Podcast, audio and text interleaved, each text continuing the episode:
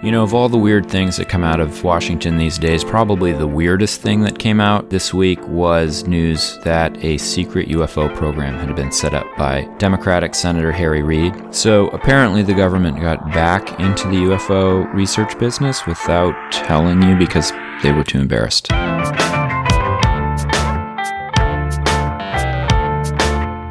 Time to eat the dogs. I'm Michael Robinson. Today I talk with Greg Eghigian, historian at Penn State University, now at the Smithsonian Air and Space Museum. His current research project is a global history of the phenomena of UFO sightings and claims of alien contact. Greg Eghigian, thank you for talking to me today. Thanks very much.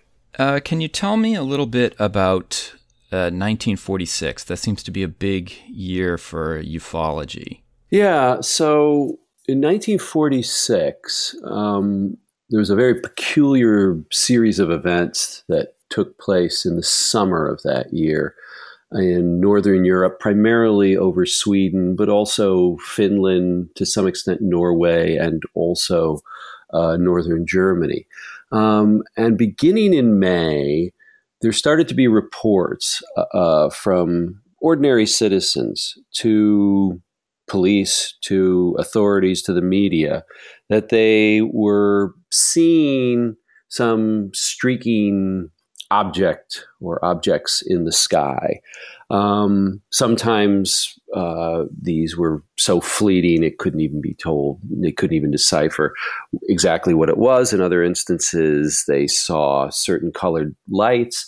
And in other instances, they argued and said that they what they saw were um, what seemed to be rockets, or at least objects that behaved like rockets.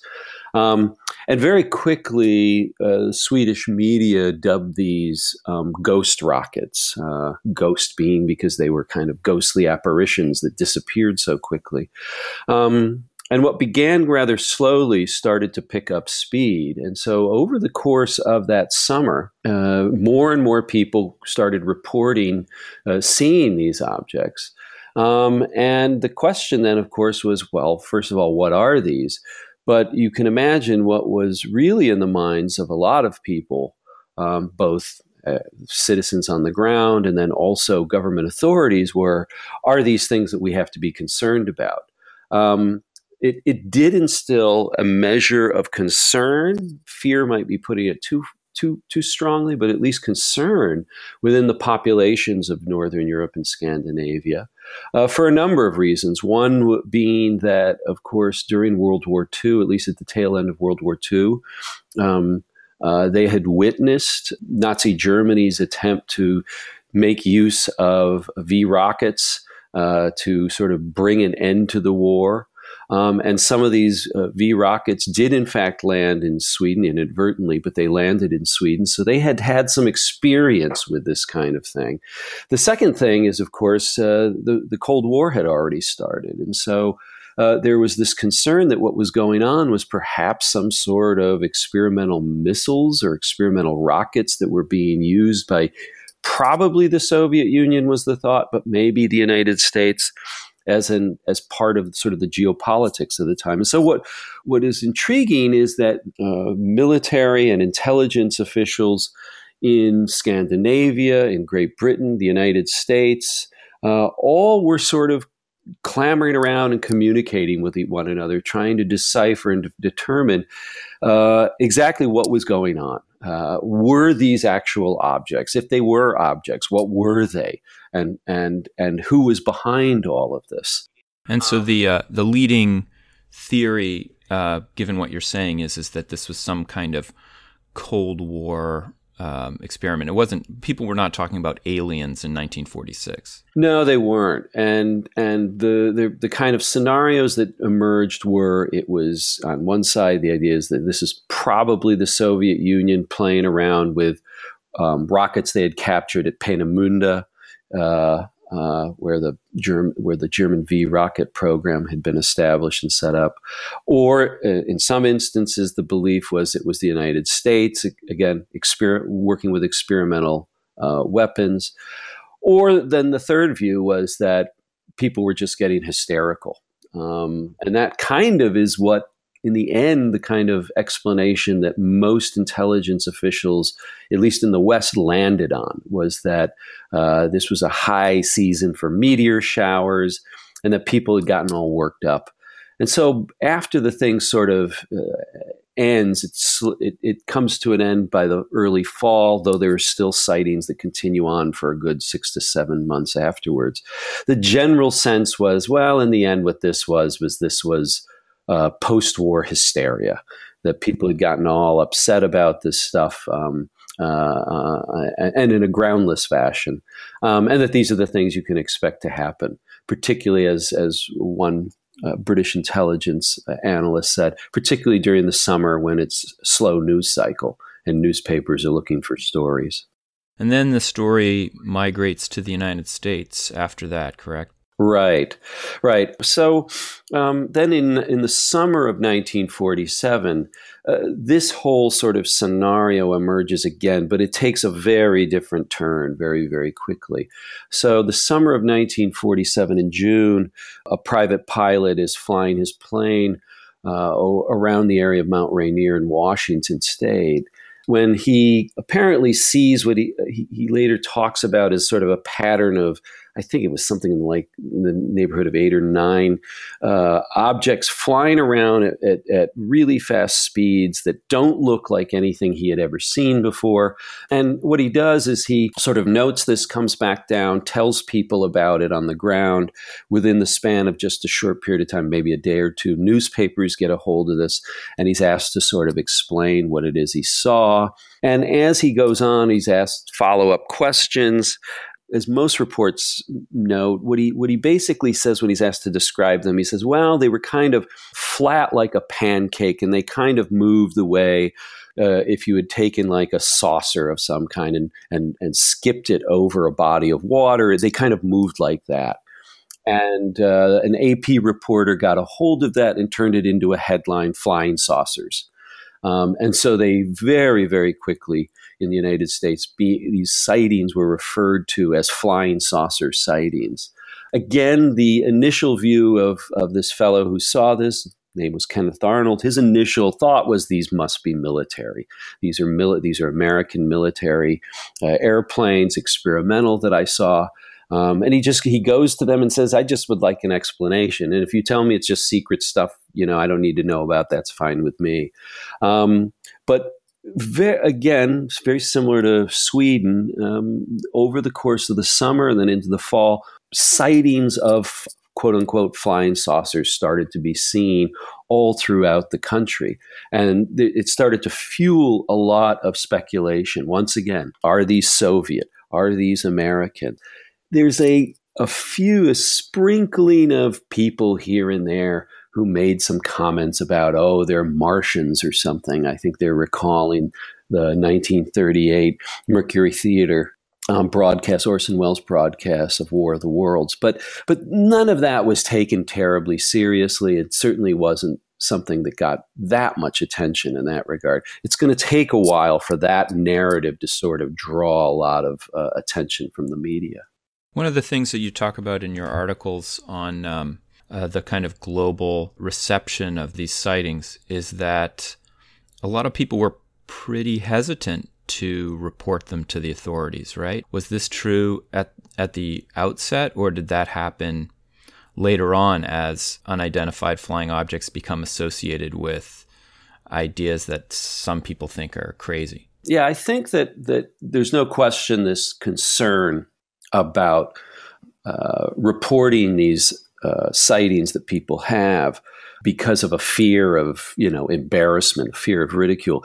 You're quite right. is is a phenomenon that is associated with really um, the the emergence of this notion that these might be alien in nature. That's when that kind of concern over ridicule steps in. Uh, early on, and for many people even afterwards, what they feel they're doing by reporting this stuff is doing their civic duty, right? I mean, it's it's it's. I saw something, and you know, for all I know, this could be something that uh, United States Air Defense should be aware of, right? So um, it it seemed to be a, a very natural thing to do this, but I think for a lot of people even I mean certainly early on and, and afterwards who do go on to report these things to authorities in one way or another.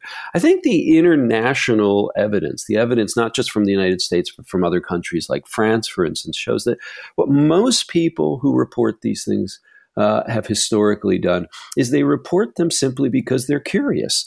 They don't come in with any preconceived notions about what this might be. Um, what they do is um, they often sort of report them to the police, to uh, the military, uh, some sort of authority of one kind or another, and just simply say, "I saw this. Do you have any idea what that was? you know, what what was that? It was really odd. I never seen anything like it before."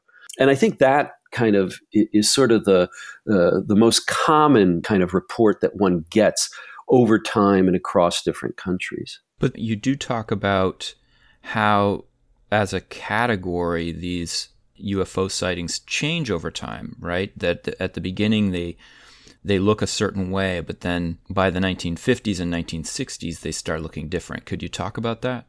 Yeah, so um, I think that to me is one of the reasons why I find I found I found this also fascinating and and and why I think history has something really to contribute to the whole uh, development and evolution of this phenomenon is the fact that the ways in which people describe and then people discuss these objects and discuss the whole phenomenon uh, changes, in some ways, changes quite radically over time. So the objects, um, at first, as we talked about, when they're described in Sweden, they are overwhelmingly seen as rockets.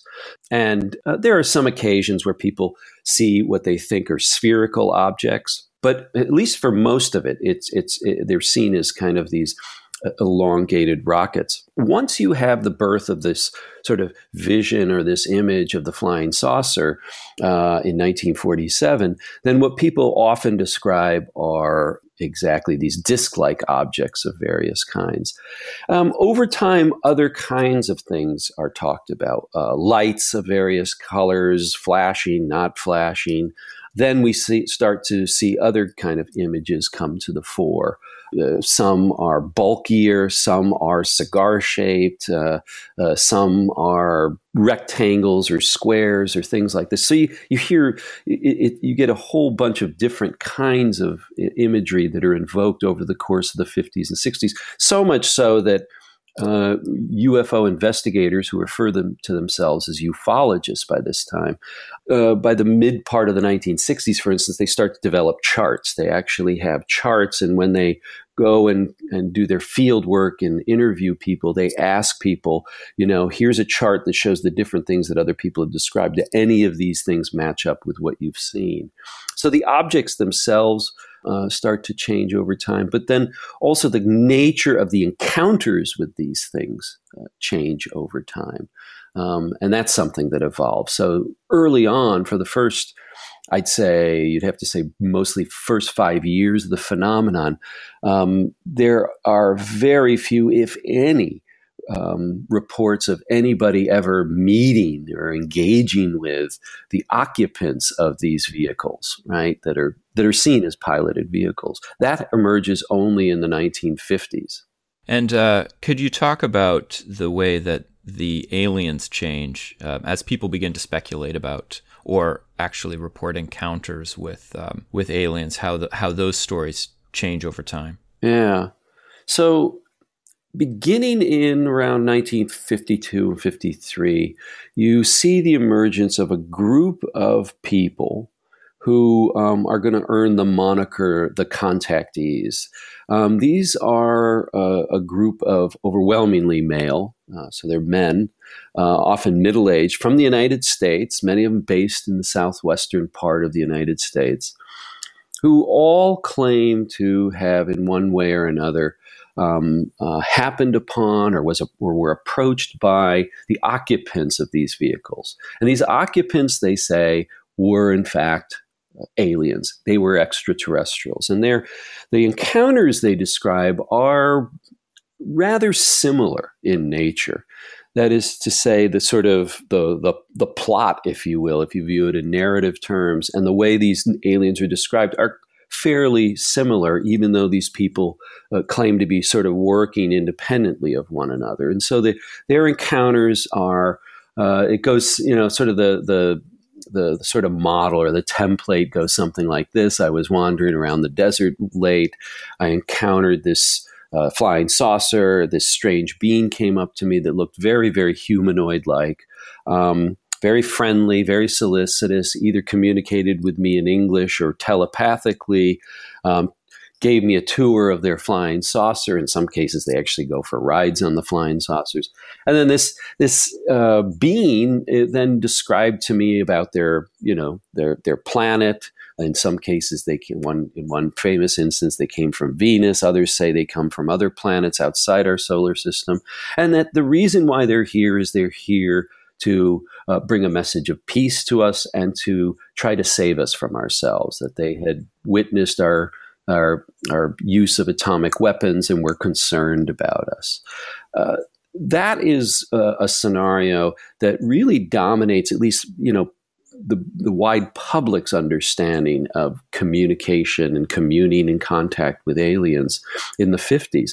Uh, by the time we start to get, say, if we fast forward in um, uh, into the 1970s, but particularly the 1980s and 1990s, of course, is we get a very different image that comes to comes to the fore and t- sort of dominates the media's, at least the media's attention about alien contact, and that's the story of alien abduction. That's the story, a very different story, and now the stories don't just come from the United States. They're coming from other places, but also these are stories that are stories that in which now uh, women figure more prominently as the narrators. And the stories here that start to emerge and start to get circulated are stories in which the aliens don't look anything like us. They're not very friendly at all. And what they do is they actually kidnap people. Uh, in many instances, they get right into people's homes and, t- and, and, snatch people right from their homes and use um, take them into their vehicle. Um, uh, perform experiments on them. Uh, many of them very, very invasive. There's there's a uh, uh, they seem to be very, very interested in our reproductive systems. So women are given invasive gynecological exams. Men have semen extracted from them, um, and then their memories are wiped uh, of the events. You know, um, I was just thinking as you were talking that Close Encounters of the Third Kind, which came out in the was it the early '80s? '77, actually. It kind of uh, integrates both of those things that you're talking about. There's a way in which the ominousness of the the movie for the first two thirds sounds like all of the stuff that you're talking about. This this change to a more menacing alien, and then in the last third, you have a much brighter, um, kind of almost uh, old old school vision of the alien as someone who's here to help us. Yeah, no, I think you're quite right. I mean, I, I you know, if you take a look at, at Close Encounters of the Third Kind, it very much is a sort of pre-abduction um, uh, version of alien contact that's imagined. You're, you're quite right because it, it does, in fact, sort of uh, uh, invoke this idea that these are uh, in, not just in hyper intelligent creatures, but they are in fact quite friendly and here to sort of engage with us and they're just searching for an effective way to do that. So you and i are both historians and one of the things that we got drilled into our heads in graduate school was that historians have to avoid judging the past according to the present. We have to try to be as much as we can agnostic about people's beliefs uh, or at least not using our own beliefs to judge them. But that seems to be so hard in a project like this because in a sense you have to make some decisions right about the experiences that people are reporting. And i was wondering how you how you take a position on this. Yeah. Well you're quite right. And and it's something i had to think very seriously about. And the way I talk about this, and I, I also interview a lot of people who are either ufologists or have had experiences of various kinds. And I'm very clear on this with everybody on all sides of these issues. And that is my approach to this is ethnographic. I think it's the only, in my, in my view at least, it's the only responsible way to approach this, but it's the also, I think, the most productive way. And by that, I mean, I go into this uh, with no intention of trying to defend uh, what's referred to as the extraterrestrial hypothesis of what this what this phenomenon has historically been about. Uh, but nor do I go in with the intention of debunking uh, this stuff. It seems to me, as you I think quite rightly put it, we as historians, it's drilled into our heads, and I think quite rightly, when we're investigating historical figures and communities, uh, that we can invoke certain kinds of arguments. I always tell people, you know, we wouldn't I, I, you know, I, am a modern and contemporary historian of the mo- of modernity and contemporary history, but I know for a fact you you if you're a medieval historian, you don't get to say, well, the reason why medievals believed these, you know, there were demons or believed in witches or or magic uh, was because they were stupid. It's an utterly, utterly preposterous and, and really superficial way of understanding. And yet, when we come to the contemporary period, we feel absolutely within our rights to sit there and say, well, you know, you've got a bunch of hysterical, dumb people running around the world. I think that's, I think it's lazy. I think it's intellectually lazy.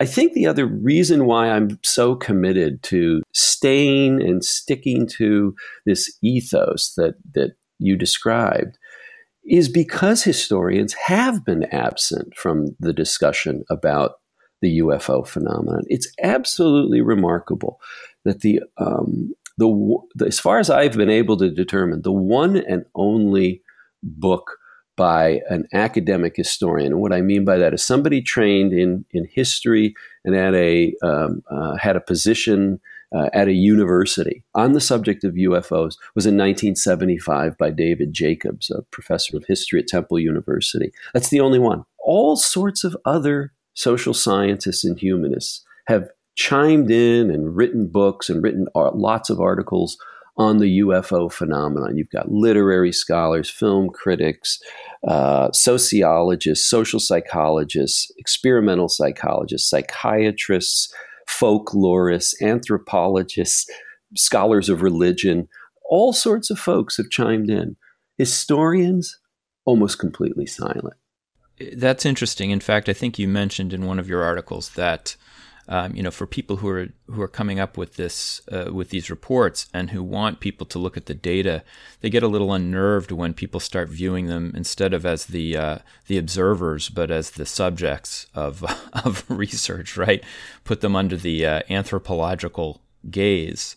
But I, I was wondering. I mean, you do in your in your work come to some conclusions about well, for example, you, you in one of your articles you said um, you know, the rocket like features of flying saucers were directly influenced by the experience of the Second World War and, and the Cold War. So you are you are making some claims about the filter, right, of these whatever it is that people are seeing. You feel like it is being influenced by by cultural and social things around them.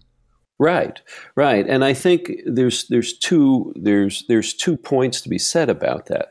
Uh, one is that um, uh, let's assume that that people are seeing things, and I actually have no doubt, and I think most people from these other fields who study the phenomenon agree that um, while one it can be very difficult in any individual case to say, you know, somebody definitively saw something strange in the sky versus you know it was a hoax or it was an optical illusion. Um, I think most everyone agrees that that people, uh, a significant number of people saw something strange, saw something. It's hard. It's just difficult to say what it was. But so even in those instances where we acknowledge that, it I think it's fair to say um, we accept that people will also try to frame something, particularly something that's fleeting and mysterious and that lacks a lot of context and information around it, they're going to filter it through a historical gaze, right?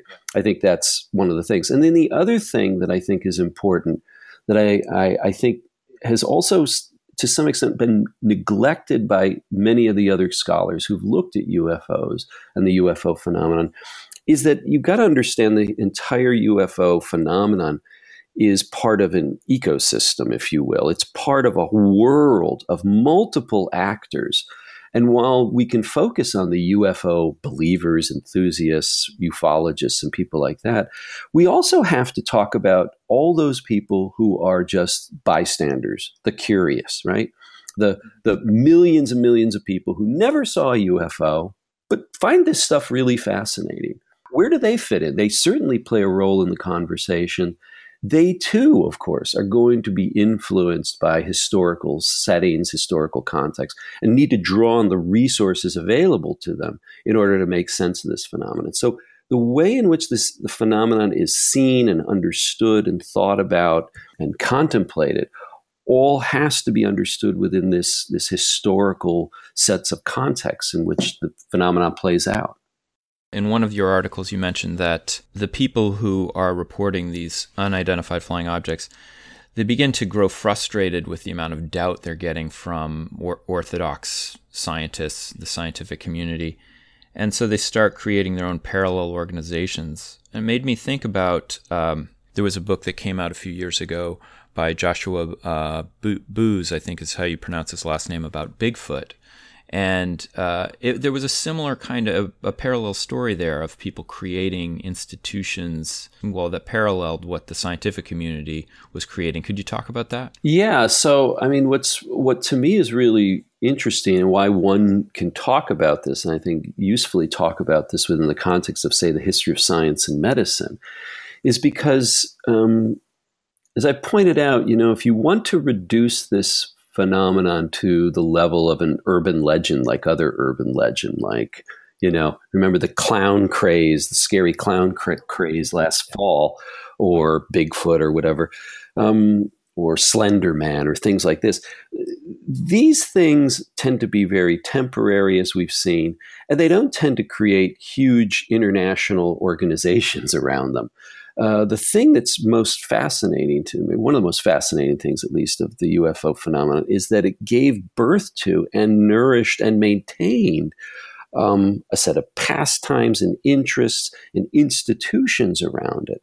So, um, one in, starting in the early '50s, what developed around this was the sense, and, and I'll to backpedal just a bit. One of the things I think when you look at the early, you know, the 50s and you look at ufologists at that time, I think many of them firmly believed they were at the forefront of creating um, a, some knowledge that was going to be folded into academia. There would be a time when every every co- university and college would maybe have a department of ufology, and it was became clear that that wasn't going to happen. So what they did is they established sort of parallel institutions. They created organizations. They they founded periodicals. Some of them even set up sort of a peer review system for articles and contributions. They had conferences and lecture circuits and all.